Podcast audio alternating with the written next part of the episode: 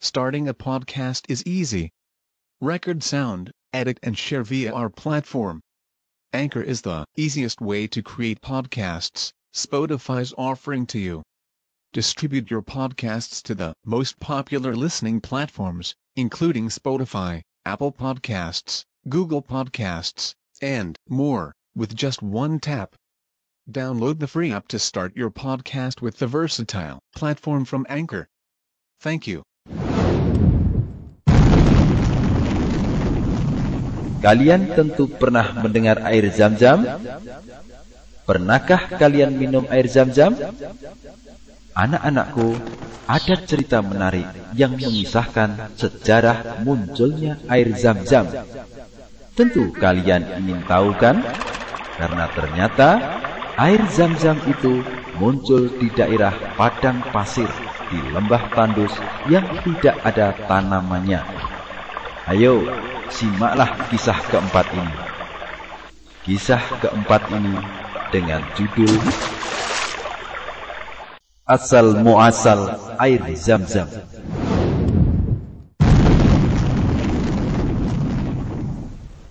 Anak-anakku sekalian, semoga Allah membimbing kalian semuanya. Dahulu, Nabi Ibrahim alaihissalam membawa Ismail alaihissalam dan istrinya Hajar ke Baitul Haram atau Makkah. Saat itu, Ismail alaihissalam masih menyusu ibunya.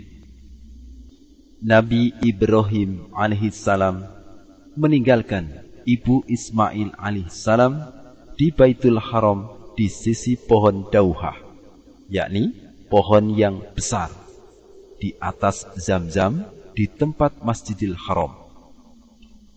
Pada waktu itu, tidak ada seorang pun manusia di Mekah dan tidak pula ada air di sana. Nabi Ibrahim alaihissalam meninggalkan anak dan istrinya di sana. Beliau tinggalkan satu wadah tamr atau kurma mentah dan tempat minum atau keriba berisi air untuk istrinya. Kemudian Nabi Ibrahim alaihissalam berpaling pergi. Hajar mengikutinya dan berkata, Wahai Ibrahim, ke mana engkau akan pergi? Apakah engkau meninggalkan kami di lembah yang tidak ada manusia dan tidak ada apa-apanya? Hajar mengatakannya berkali-kali. Sedangkan Nabi Ibrahim alaihissalam tidak menoleh kepadanya.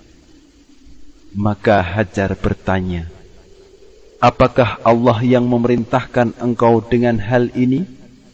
Nabi Ibrahim alaihissalam menjawab, Ya. Hajar pun berkata, Kalau begitu, Allah tidak akan menyia-nyiakan kami. Kemudian Hajar kembali. Lalu Nabi Ibrahim alaihissalam berangkat pergi. Ketika beliau sampai di Thaniyah, di mana Ismail alaihissalam dan Hajar tidak melihatnya, beliau menghadap ke arah Baitullah. Beliau berdoa dengan mengangkat kedua tangannya. Ya Rob kami, sesungguhnya aku telah menempatkan sebagian keturunanku di lembah yang tidak ada tanamannya di dekat rumahmu yang dihormati. Ya Rob kami, agar mereka mendirikan solat maka jadikanlah hati sebagian manusia cenderung kepada mereka dan beri rezekilah mereka dari buah-buahan. Mudah-mudahan mereka bersyukur. Hajar pun menyusui Ismail alaihissalam dan minum dari air yang ada dalam wadah tadi. Hingga ketika air yang ada di wadah itu habis, dia merasa kehausan dan kehausan pula Ismail alaihissalam. Hajar melihat anaknya telah berbuih liurnya dan memukulkan diri ke tanah. Maka Hajar pun pergi karena tidak ingin melihat anaknya. Dilihatnya sofa adalah bukit yang terdekat dengannya. Maka Hajar berdiri di sana dan melihat ke arah lembah apakah ada orang di sana. Namun, Hajar tidak melihat seorang pun. Kemudian, dia turun dari bukit sofa. Ketika sampai di lembah, dia mengangkat ujung pakaiannya. Kemudian berlari kecil dengan bersungguh-sungguh. Ketika lembah telah terlewati, Hajar mendatangi bukit Marwah dan berdiri di sana. Dia kemudian melihat-lihat apakah ada seseorang. Hajar melakukan hal itu tujuh kali. Ketika naik ke bukit Marwah, Hajar mendengar sebuah suara. Dia berkata kepada dirinya sendiri, "Diam." Kemudian dia berusaha mendengar. Maka terdengar suara lagi. Hajar berkata, "Sungguh aku telah mendengar. Tolonglah aku jika di sisimu ada kebaikan." Tiba-tiba dia mendapati seorang malaikat di tempat Zam-Zam. Dalam riwayat At-Tabrani rahimahullah, kata Ibnu Hajar, sanatnya Hasan. Disebutkan bahwa malaikat itu adalah Jibril. Anak-anakku sekalian, semoga Allah membimbing kalian di atas jalan yang lurus. Kemudian, malaikat Jibril menggali dengan tumitnya atau dengan sayapnya sampai muncul air. Ibu Ismail pun kemudian menjadikannya seperti kolam dengan tangannya dan menciduk air ke dalam geribanya. Air itu pun memancar sesuai dengan cidukannya. Seandainya Hajar membiarkan air itu atau tidak menciduk air itu, maka air zam-zam itu akan menjadi nampak dan mengalir. Ibu Ismail kemudian minum dari air itu dan menyusui anaknya. Malaikat Jibril berkata, Janganlah kalian takut akan binasa. Sungguh di sini akan berdiri rumah Allah yang akan dibangun anak ini bersama bapaknya. Dan Allah tidak akan menyanyiakan penduduknya. Dan Baitullah tinggi di atas bumi, seperti anak bukit yang air mengalir ke kanan dan ke kirinya. Begitulah keadaan Hajar, sampai akhirnya orang-orang berdatangan dan mereka berkembang di sana. Itulah asal muasal air zam-zam. Wallahu a'lam.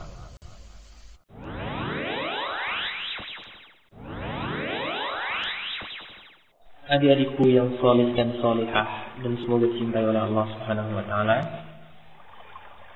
Sekarang kita akan mengikuti faidah-faidah berharga dari kisah asal muasal air zam-zam.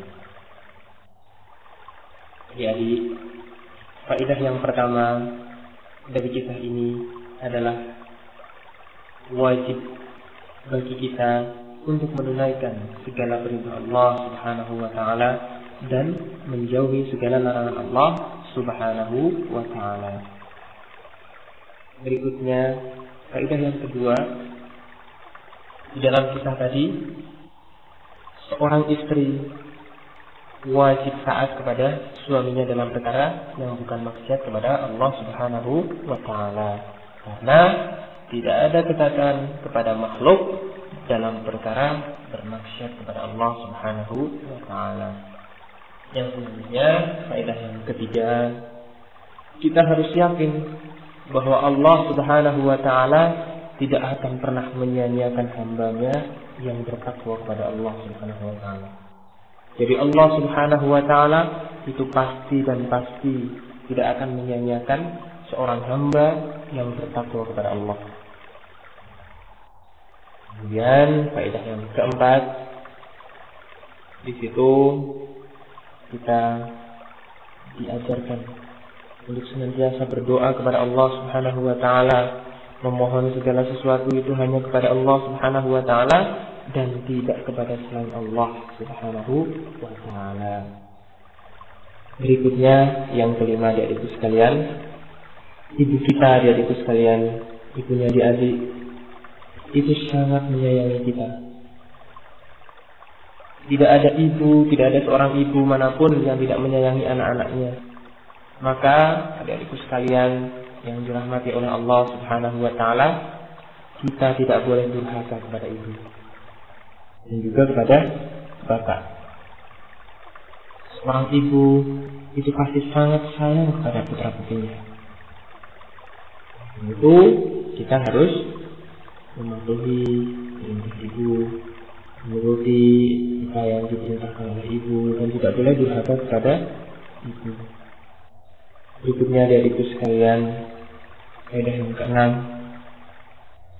di dalam kisahnya asal muasal air zam-zam kita berikan kaidah di situ iman kepada malaikat dan kita juga harus yakin bahwa malaikat itu memiliki kemampuan untuk berubah bentuk menjadi manusia dengan perintah Allah Subhanahu wa taala. Jadi malaikat itu memiliki kemampuan untuk merubah dirinya menjadi manusia tentu dengan perintah Allah Subhanahu wa taala. Karena malaikat itu adalah makhluk yang paling taat kepada Allah Subhanahu wa taala.